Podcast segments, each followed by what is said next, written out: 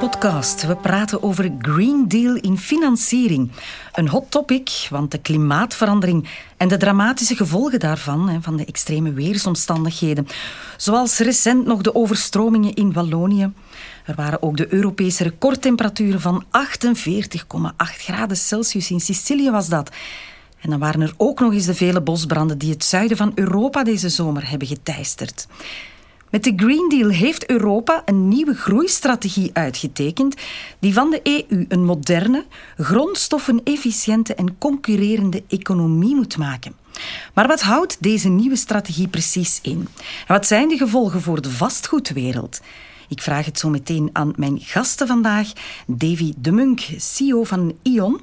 We hebben ook bij ons Iwan Barré, Sustainable Manager bij KBC Bank en Verzekeringen. En ook Nele Pieters van Encon, Chief Strategy Officer. Welkom allemaal. Ja, de European Green Deal. Wat betekent dat precies? Ik vraag het aan Iwan. Wel, de European Green Deal moet je teruggaan naar het akkoord van Parijs in 2015, waar dan 200 landen eigenlijk hebben het besluit genomen, we gaan iets moeten doen aan die broeikasgassen. En uh, daar is uh, gesteld, we gaan de gemiddelde temperatuur pre-industriële tijdperk gaan we beperken tot uh, eh, 2 graden en als het even kan tot anderhalve graad. En het is Europa die in 2019 als eerste regio in deze wereld heeft beslist van kijk, wij hebben een plan hoe dat we dat gaan aanpakken, waar dat een strategie is naar 2050 om carbon-neutraal te zijn. Nu, dat is een lang pad. En dan hebben ze naar 2030 een tussenstap gezet, waar dat men uh, uh, mikken naar min 55% greenhouse gasreductie uh, ten opzichte van 1990 te realiseren. Ja, ja, grote stappen moeten gezet worden. Je bent Sustainable Manager bij KBC. Is het belangrijk om zo'n deal nu op poten te zetten, om daar aandacht aan te besteden of te investeren? Ja, ik denk het wel. Hè. Het, het is een besluit, het is een, een, uh, een verplichting die Europa ons oplegt als regio dit te gaan realiseren. En dus duurzaamheid is iets wat we zullen moeten gaan doen als we de gevolgen, zoals al aangestipt, willen gaan beperken die op ons afkomen. En het is vanuit die bezorgdheid, vanuit die verplichting die we gaan moeten doen, dat we daar allemaal een strategie moeten voor gaan ontwikkelen. En het is niet zo dat we uh, vrijdagavond gaan slapen en maandagochtend terug gaan opstaan en allemaal groen gaan zijn en de juiste dingen gaan doen. We moeten door die transitie. En we hebben wel nog een pad, we moeten richting 2050 gaan. We hebben wel nog eh, de ruimte om dingen te doen, maar het zal wel heel snel moeten gaan, want de uitdaging is heel groot. Uh Ja, dan kijk ik naar Davy. Je bent natuurlijk vastgoedexpert. Welke impact gaat deze Green Deal op het businessmodel van de Belgische bouw- en vastgoedbedrijven hebben? ik denk dat dat extreem is. Hè. Veel uh, spelers beseffen dat nog niet. Maar op vandaag is meer dan 75% van de, de broeikasgasemissie eigenlijk afkomstig van de productie en het gebruik van energie dat is uiteraard gigantisch. En als je dan kijkt naar het vastgoedpatrimonium, ja, dat gaat vooral over het, het verwarmen en het afkoelen van gebouwen, wat een enorme impact heeft. En eigenlijk moeten we weg van fossiele brandstoffen en moeten we gebruik maken van de nieuwe technologieën die er zijn, die er gaan bijkomen en die steeds performanter worden.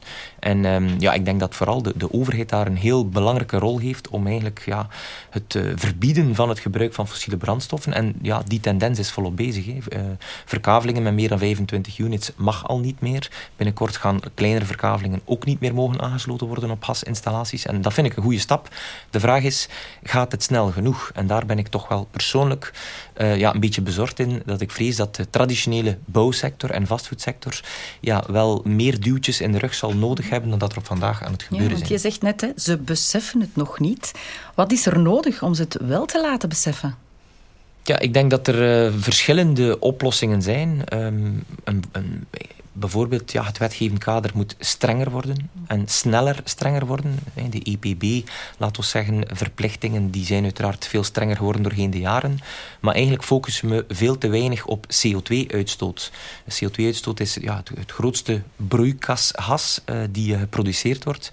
En eigenlijk EPB gaat over isolatie, gaat over normen, et cetera. Maar eigenlijk is CO2 daar maar een klein stukje van. En ik vind dat ze gewoon moeten kijken naar uh, hoeveel CO2 stoot je gebouw uit. Niet alleen bij het gebruik van je gebouw, maar ook bij het, ja, het creëren, de productie van de materialen die gebruikt worden in een gebouw.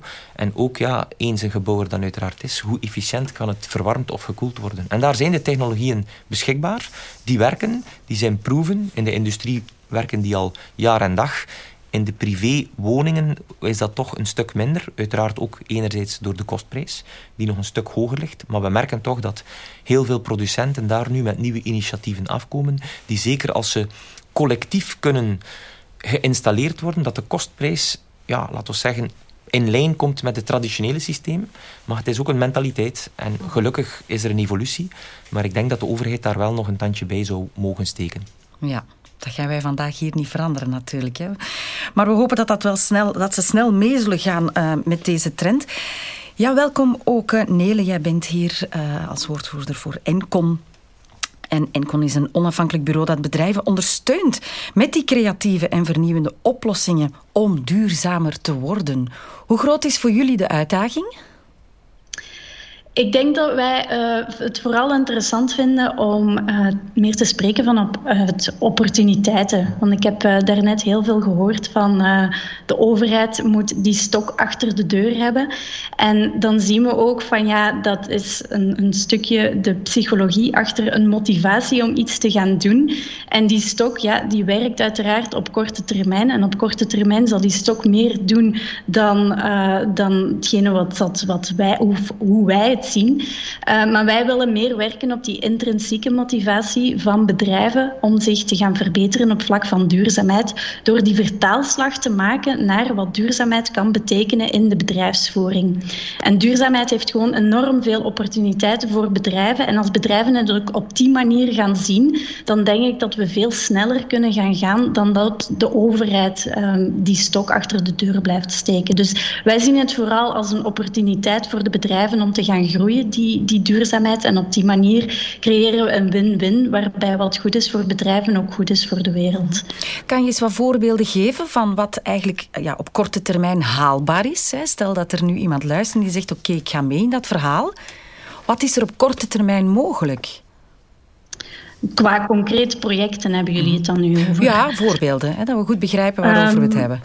Ja, uiteindelijk. Um, de energieprijzen gaan omhoog gaan. Ik denk dat, uh, dat iedereen dat wel heel goed beseft. Dus zaken als hernieuwbare energie gaan brengen vandaag al interessante voordelen met zich mee, maar gaan naar uh, de toekomst nog meer interessante voordelen met zich meebrengen. Dus die kleine zaken, door die overslag te maken, die omschakeling te maken naar hernieuwbare energie, dat brengt al een opportuniteit, want dat zorgt ervoor dat de kosten bespaard kunnen worden. -huh. Ja, oké. Okay. Ja, die intrinsieke motivatie en de stap durven en willen zetten is belangrijk. Maar wat als het verplicht wordt natuurlijk? Hè? Johan, zal het voor bouw- en vastgoedbedrijven in de toekomst moeilijker worden om gefinancierd te kunnen worden? Financiering die is er en die zal er ook altijd blijven bestaan, uiteraard. Mm -hmm. Wat we vandaag wel zien, dat er verplichtingen uh, komen op niveau van, uh, van banken om te rapporteren. Wij moeten naar onze Europese regelgevers, naar verschillende partijen, moeten wij gaan rapporteren opstellen waar de gelden naartoe gaan. En wij moeten een indicatie geven in welke mate die gelden naar de klassieke projecten doorgaan en in welke mate zij ondersteunend werken voor het groene karakter, de climate impact. En het is in, in die rapportage dat wij wel uh, mee kunnen helpen, mee die transitie ondersteunen naar meer naar het groene gaan. Mm -hmm. um, wat dan wij wel voelen op termijn als bank, onze kapitaalkost voor uh, niet-groene financieringen, dat zal gaan duurder worden.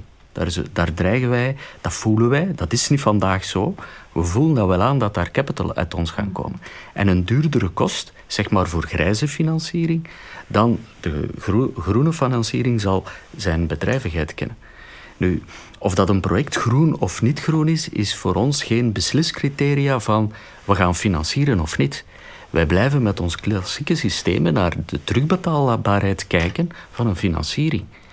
Uiteraard speelt een rol als je een project ontwikkelt dat duurzaam is, of eh, meer resilient is voor wat de toekomst ons allemaal gaat brengen, dan geloven wij daar wel in dat je eh, als bedrijf je terugbetaalcapaciteit verhoogt en daardoor eigenlijk meer kans maakt op je financiering.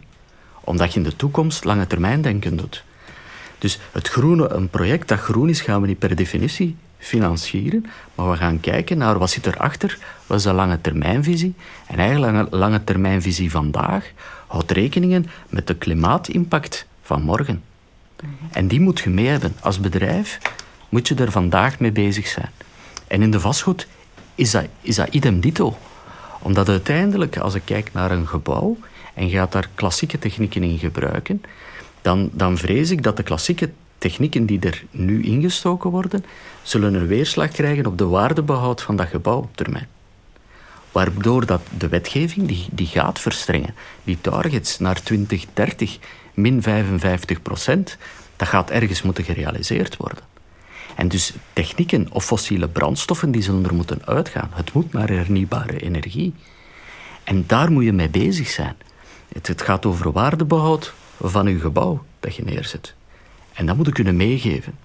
Er is uiteraard een discussie over de technieken die in gebouwen zetten, de nieuwe technieken, de hernieuwbare technieken, ja, die zijn duurder om dat te implementeren. Maar dat is omdat wij als maatschappij kijken wij heel vaak naar een investeringskost. De originele inleg die je doet om iets te verwerven. Maar we zouden meer moeten kunnen uh, denken op, op TCO, Total Cost of Ownership, op lange termijn. En daar is denk ik wel een zoektocht voor, voor ons allen, om dat gemodelleerd te krijgen. Bepaalde technieken hebben een terugbetaaltijd die, die vrij lang zijn. En met onze financieringen, eh, wij hebben een beperking in looptijd van die financiering. En daar zit soms wel een mismatch. En dat maakt het moeilijk voor partijen die echt willen vooruitgaan en die nieuwe technieken te implementeren, om daar de juiste financiering en dat businessmodel rond te maken. Mhm. Daar zijn wel nog mooie uitdagingen rond. Ja. Mhm. Of opportuniteiten, zoals Nele zegt natuurlijk. Ja, hè? ja. ja ik, eh, eh, Davy, ik zag jou echt uh, enthousiast meeknikken van dat is waar, hè, wat iemand zegt. Hè. Hoe ervaren jullie heel die verandering nu? Zijn jullie daar ja, ongetwijfeld mee bezig, maar jullie klanten moeten natuurlijk mee. Heel die sector moet mee in dat verhaal stappen. Kijk, de, de, de basispremisse in, in elk type van sector is vraag en aanbod. En wij merken gelukkig dat de vraag van grote institutionele investeerders naar producten, vastgoed, die duurzamer is, die stijgt elk jaar. Die mensen halen ook kapitaal op op de kapitaalmarkten. Dat zijn pensioenfondsen, levensverzekeraars, die gigantische budgetten ter beschikking krijgen van personen, bedrijven, etc. Maar die stellen meer en meer eisen naar die mensen, die asset managers die dat geld moeten allokeren, naar oké, we willen een, een, allocatie van onze middelen in groene gebouwen. Dus door het feit dat er daar meer vraag naar komt, wordt er natuurlijk ook door projectontwikkelaars meer aanbod gegenereerd. En dat aanbod ja, volgt veelal de vraag en niet andersom. Er zijn veel spelers in het verleden die te vroeg gekomen zijn met het aanbod, maar er was nog geen vraag. Maar dan werkt het financieel model niet en dan ga je finaal over kop. Um, en er zijn daar voorbeelden van geweest van bedrijven die te vroeg waren. Um, ik wil ook nog toevoegen dat um, initieel was het de bedoeling om energiezuinige gebouwen te maken. We hebben dat opgelost door meer isolatie in te steken. Ik denk dat we daar bijna al aan het maximum gekomen zijn die, die, die kan. Oké, we hebben dan betere isolatie gemaakt. Dat we met dezelfde dikte van isolatie ja, een betere bescherming hebben om, voor warmte die u uit uw gebouw zou kunnen weggaan. Dat is op zich de eerste stap. Daarnaast hebben we gekeken naar oké, we hebben technologieën en producten nodig die met minder energie, minder elektriciteit bijvoorbeeld, performanter kunnen werken. En daar kijken we dan vooral naar innovaties, bedrijven die nieuwe technologieën creëren. En daar is er ook enorm veel gebeurd. Kijk naar de opkomst van warmtepompen, geothermie, het gebruiken van de, de warmte van de aarde om een gebouw op te warmen. Twintig jaar geleden bestond dat al, maar dat was enkel maar in de industrie dat dat gebruikt werd. Hele grote installaties die heel veel geld kosten.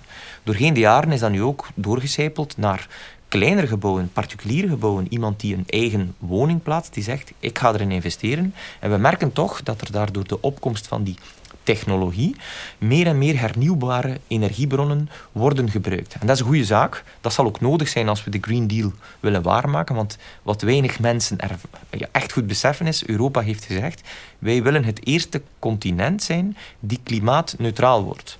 Maar dat is op zich ook niet zo lang meer. En dat zijn, je kunt dat wel zeggen, maar de gevolgen daarvan zijn extreem. We hebben op vandaag niet de technologie nog de capaciteit, kijk naar ons elektriciteitsnet op vandaag, om dat te doen. Dus daar gaat er nog heel veel moeten gebeuren. Ik ben wel hoopvol dat er ook wel veel meer budgetten ter beschikking gesteld wordt naar start-ups, scale-ups, ook grote bedrijven die R&D-departementen hebben, die daar miljarden in investeren. En ik geloof, ook, ik geloof ook in de intelligentie van de mens om daar met oplossingen voor af te komen. Dus ik ben niet zo somber. Ik stel me wel de vraag of dat het niet zeer ambitieus is. 2030 is, is, vlakbij. Ehm, ik denk dat dat zeer moeilijk gehaald gaat kunnen worden. 2050 is een stuk verder. Maar dan gaat het beleid, de investeerders die finaal de vraag creëren naar groen product, nog feller moeten zeggen van kijk, producten, gebouwen die niet groen zijn, wij moeten ze niet meer hebben. En dan gaan ze ook niet meer gebouwd worden. En daar moeten we eigenlijk naartoe. En op vandaag heb je nog te weinig investeerders die te veel kijken naar het groene gebouw en nog te veel naar het rendement. En ik denk wel dat het beleid daar verantwoordelijk is om meer en meer in die richting verder te gaan. Waarom zijn ze nog niet helemaal mee in die richting? Is het zo snel veranderend dat het moeilijk te volgen is? Sowieso is de vastgoed- en de bouwsector een klassieke sector. Uh, evoluties gebeuren traag, gestaag. Um, het gaat over veel geld. We hebben het altijd zo gedaan, dus waarom moeten we het nu veranderen? Op vandaag 99% van de bouwvergunningen die nog ingediend worden, appartementsgebouwen bijvoorbeeld, zijn nog met individuele stookplaatsen. Vaak op gas aangesloten omdat er een gasleiding loopt. Je zegt 99%, dat is heel veel. Hè? Dat is gigantisch. En dat komt omdat het nog kan. En stelselmatig heb je bepaalde steden en gemeentes die gewoon stoppen met gasaansluitingen door te trekken. Maar we hebben nog natuurlijk een bestaand patrimonium waar een gasleiding loopt, waar je nog altijd kunt op aanpikken. En ja, zolang die leiding er is en dat de gas er doorstroomt en het is goedkoper en je mag erop aansluiten, gaan er altijd spelers zijn die dat blijven doen. Mhm. Ja, 95% van de Vlaamse woningen voldoet vandaag trouwens nog altijd niet aan de energetische normen die Europa oplegt voor 2050. Dus heel veel mensen staan voor een enorme opdracht om dat alsnog in orde te kunnen brengen. Nele, wat zie jij daar gebeuren, die duurzaamheidstransitie? Die nieuwe gebouwen die krijgen we misschien nog wel mee in dat verhaal. Maar wat met al die gebouwen die er nu zijn en die niet voldoen? Ik ben natuurlijk geen uh, vastgoedexpert. Ik ben een expert op vlak van uh, die duurzaamheidstransitie. Um, dus ja, ik ga daar terugkomen op hetgene dat ik daarnet ook zei. Van, en dat eigenlijk Davy ook beaamde. van zodra dat de vraag naar die zaken omhoog gaat, dan zal het aanbod ook wel volgen. En dan krijgen we een, een virtueuze cirkel waarbij dat het ene en het andere in, gang brengt. Dus het is vooral belangrijk dat ook de consument de vraag gaat beginnen stellen uh, en dat de consument ook, ook begint te begrijpen waarom dat, dat die noodzakelijke transitie nodig is.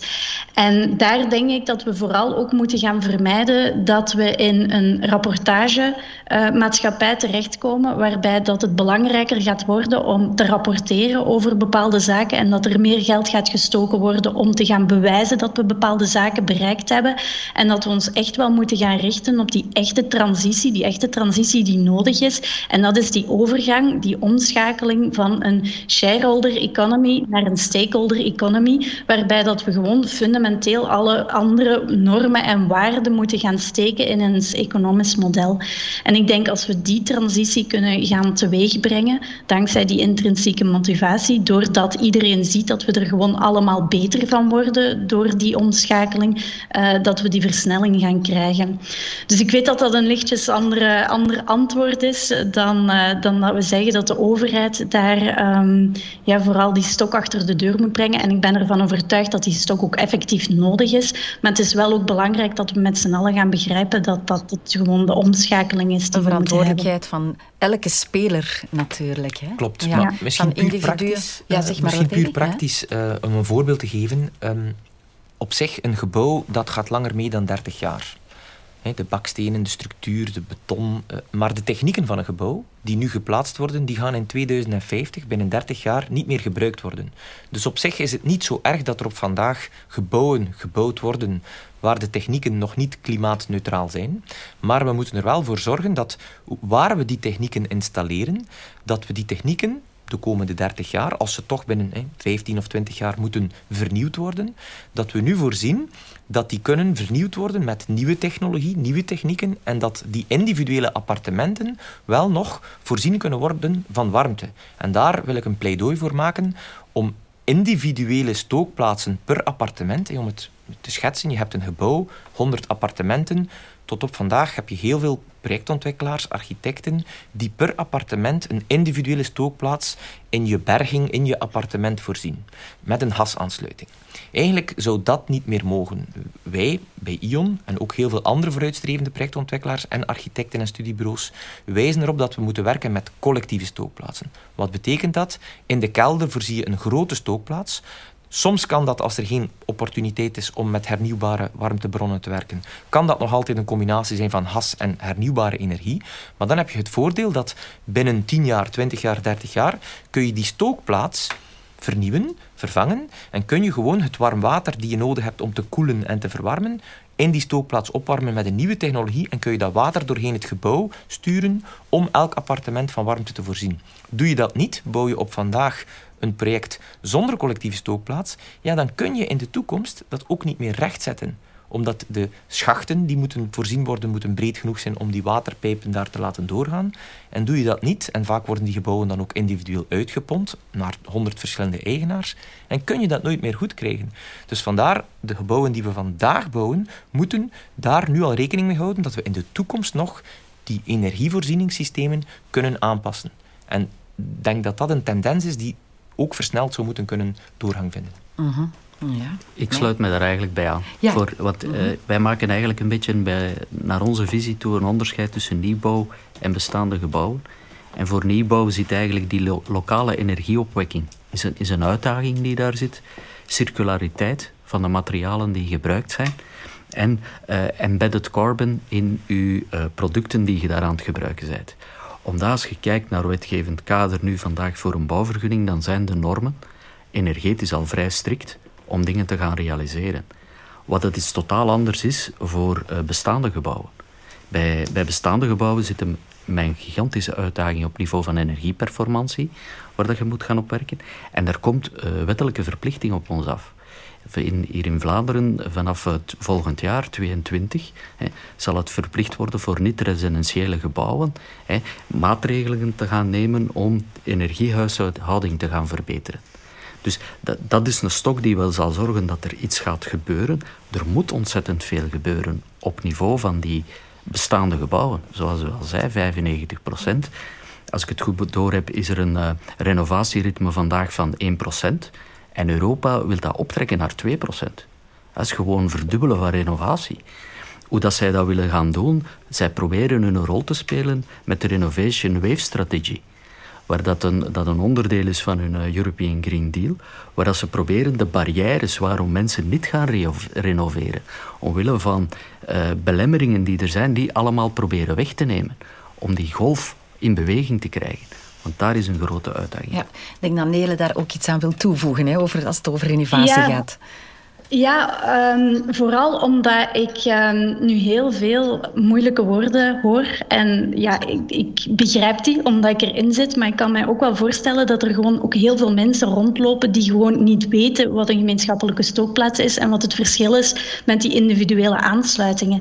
Dus ik denk dat er daar vooral ook een heel grote noodzaak is aan sensibilisering. Dat mensen veel beter begrijpen wat alles betekent. En van zodra dat ze het begrijpen, dan geloof ik er ook echt oprecht in dat iedereen ook zijn steentje wil bijdragen. Dus vanaf het moment dat ze weten op welke manier dat ze een steentje kunnen bijdragen, dat ze ook die keuze veel beter gaan maken. Dus dat we misschien ook, en misschien dat daar ook de overheid een rol kan spelen, iets meer moeten inzetten op het sensibiliseren van de mensen, zodanig dat ze begrijpen wat energetisch interessant is en wat misschien afgezworen moet worden naar de toekomst toe. Ja, ik denk dat het inderdaad belangrijk is. De mensen hier aan tafel zijn allemaal al overtuigd. Maar we moeten natuurlijk de mensen, onbekend is onbemind, die hier nog weerstand tegen voelen of denken van eerst iemand anders en dan ikzelf, moeten we natuurlijk ook wel meekrijgen in dit verhaal. Wordt er nu nog te veel gekeken naar wat doet de andere speler in de sector? Ik denk sowieso dat je innovators hebt die voorlopen en dan mensen die ja, eerder de kudde volgen. Ik ben wel blij om te zien dat heel veel studiebureaus, architecten, dus eigenlijk ja, consultants die advies geven aan bouwheren, daar wel meer en meer op inzetten en eigenlijk ja, veel bouwheren opvoeden. Anderzijds is het de bouwheer die finaal de beslissing neemt, want hij betaalt het feestje en hij heeft een bepaalde haalbaarheidsstudie in gedachten die hij wil doorduwen. Ehm, maar op zich, als je kijkt naar het verleden, um, die nieuwe technologieën zijn in, laat het ons noemen, bij consumenten relatief nieuw, bij bedrijven al iets langer bezig. De ervaringen van de grote bedrijven zijn zeer positief. En de adoptiegraad, ook van warmtenetten bijvoorbeeld, wij hebben met ION diverse warmtenetten zelf geïnitieerd en zelf mee aangelegd. Wij hadden in het begin ook schrik dat bepaalde consumenten schrik hadden dat ze geen individuele stookinstallatie gingen hebben, bijvoorbeeld. Daar merken we wel dat een individuele consument die een appartement of een woning koopt, die ligt daar eigenlijk totaal niet van wakker. En ik ga zelfs nog meer zeggen, de jongere generatie, die zou zelfs de voorkeur nemen om een groene, energie-efficiënte installatie te kunnen kopen. Het is nog geen koopbeslissing van dat koop ik of dat koop ik niet. Maar het is ook geen drempel waarbij initieel, en ik spreek nog maar vijf jaar terug, soms de schrik hadden, ja, we gaan hier het eerste warmtenet in de, in de campen aanleggen. Ja, gaat dat geen nadeel zijn in de commercialisatie? En daar hebben we vastgesteld dat dat totaal niet speelt. Dus mensen geloven dat die technologie werkt. Soms zijn er wel wat opstartperikelen bij die grote installaties.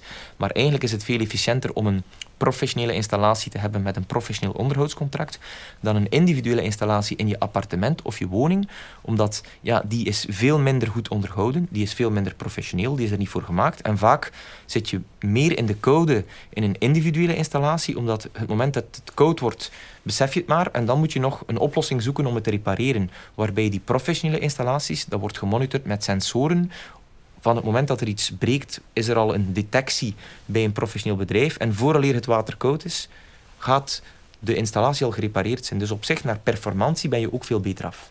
En daar ben ik echt wel overtuigd dat dat een positieve zaak is. Dat consumenten meer en meer, en ook bedrijven, meer en meer dat voordelen van beginnen in te zien. Zeker ook meer en meer corporate bedrijven die daar moeten over rapporteren. Beursgenoteerde bedrijven. Als je kijkt naar het jaarverslag van een beursgenoteerd bedrijf. Als je kijkt naar de ESG-rapportering. Tien jaar terug vijf jaar terug, één jaar terug, ja, dan zie je het aantal pagina's in een jaarverslag significant stijgen. Dus de, de, de markt, eigenlijk, de, de aandeelhouder, verwacht dat je daar meer een inspanning voor doet. Grote bedrijven lopen daar uiteraard voorop. Middelgrote bedrijven zijn daar wat ja, lakser in, maar die zullen finaal wel ook volgen. En de consument, ja, hoe meer product er ook wordt aangeboden en hoe meer vraag dat er daar naartoe is, zal dat wel opgepikt worden.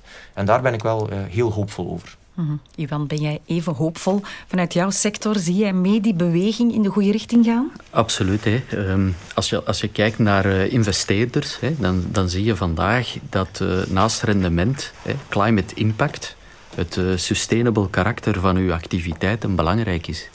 En um, investeerders stellen daar heel wat vragen ook over. En je moet daar ook antwoorden kunnen op bieden. Vandaar bij beursgenoteerde bedrijven dat dat ook zo hoog op de agenda meegekomen is. Want uiteindelijk, uw investeringen zijn wel heel belangrijk bij bedrijfsvoering. En van, ik kan de link maken en een bruggetje maken naar, naar de financiering die wij aanbieden. En dan hebben we de klassieke financiering, die gaat over assetfinanciering, over het onderliggend goed. Maar vandaag kunnen we ook spreken over, over green loans en green bonds. Dat zijn instrumenten die niet meer op de asset gaan financieren, maar eigenlijk op uw bedrijfsactiviteit. En waar dat we een vorm van price grid gaan afspreken, waarbij dat we zeggen, kijk, we gaan doelstellingen uh, voorop stellen. En als we die doelstellingen halen een climate impact karakter, dan gaat dat impact hebben op, op uw uh, rentecomponent van de financiering. En doe je het goed, dan gaat dat goedkoper zijn. Gaat het minder goed, dan gaat dat wat duurder zijn. En dat zijn technieken, je ziet dat vooral bij grote bedrijven, beursgenoteerde bedrijven, zie je die zaken ontstaan, maar die duidelijk gaan mikken op een activiteit van een bedrijf en niet meer op de assets. En die beweging, die gaat volgens mij, als iedereen daarin meegaat, een heel grote beweging in gang zetten. Mhm. Wij hopen dat die beweging bij deze ook in gang is gezet. Dank je wel uh, aan mijn gasten om dit allemaal toe te lichten. Ja, die duurzaamheidstransitie. Laat ons met z'n allen verantwoordelijkheden nemen en ze echt in beweging brengen. Dankjewel, Davy de Munk, Nele Pieters en Iwan Barre.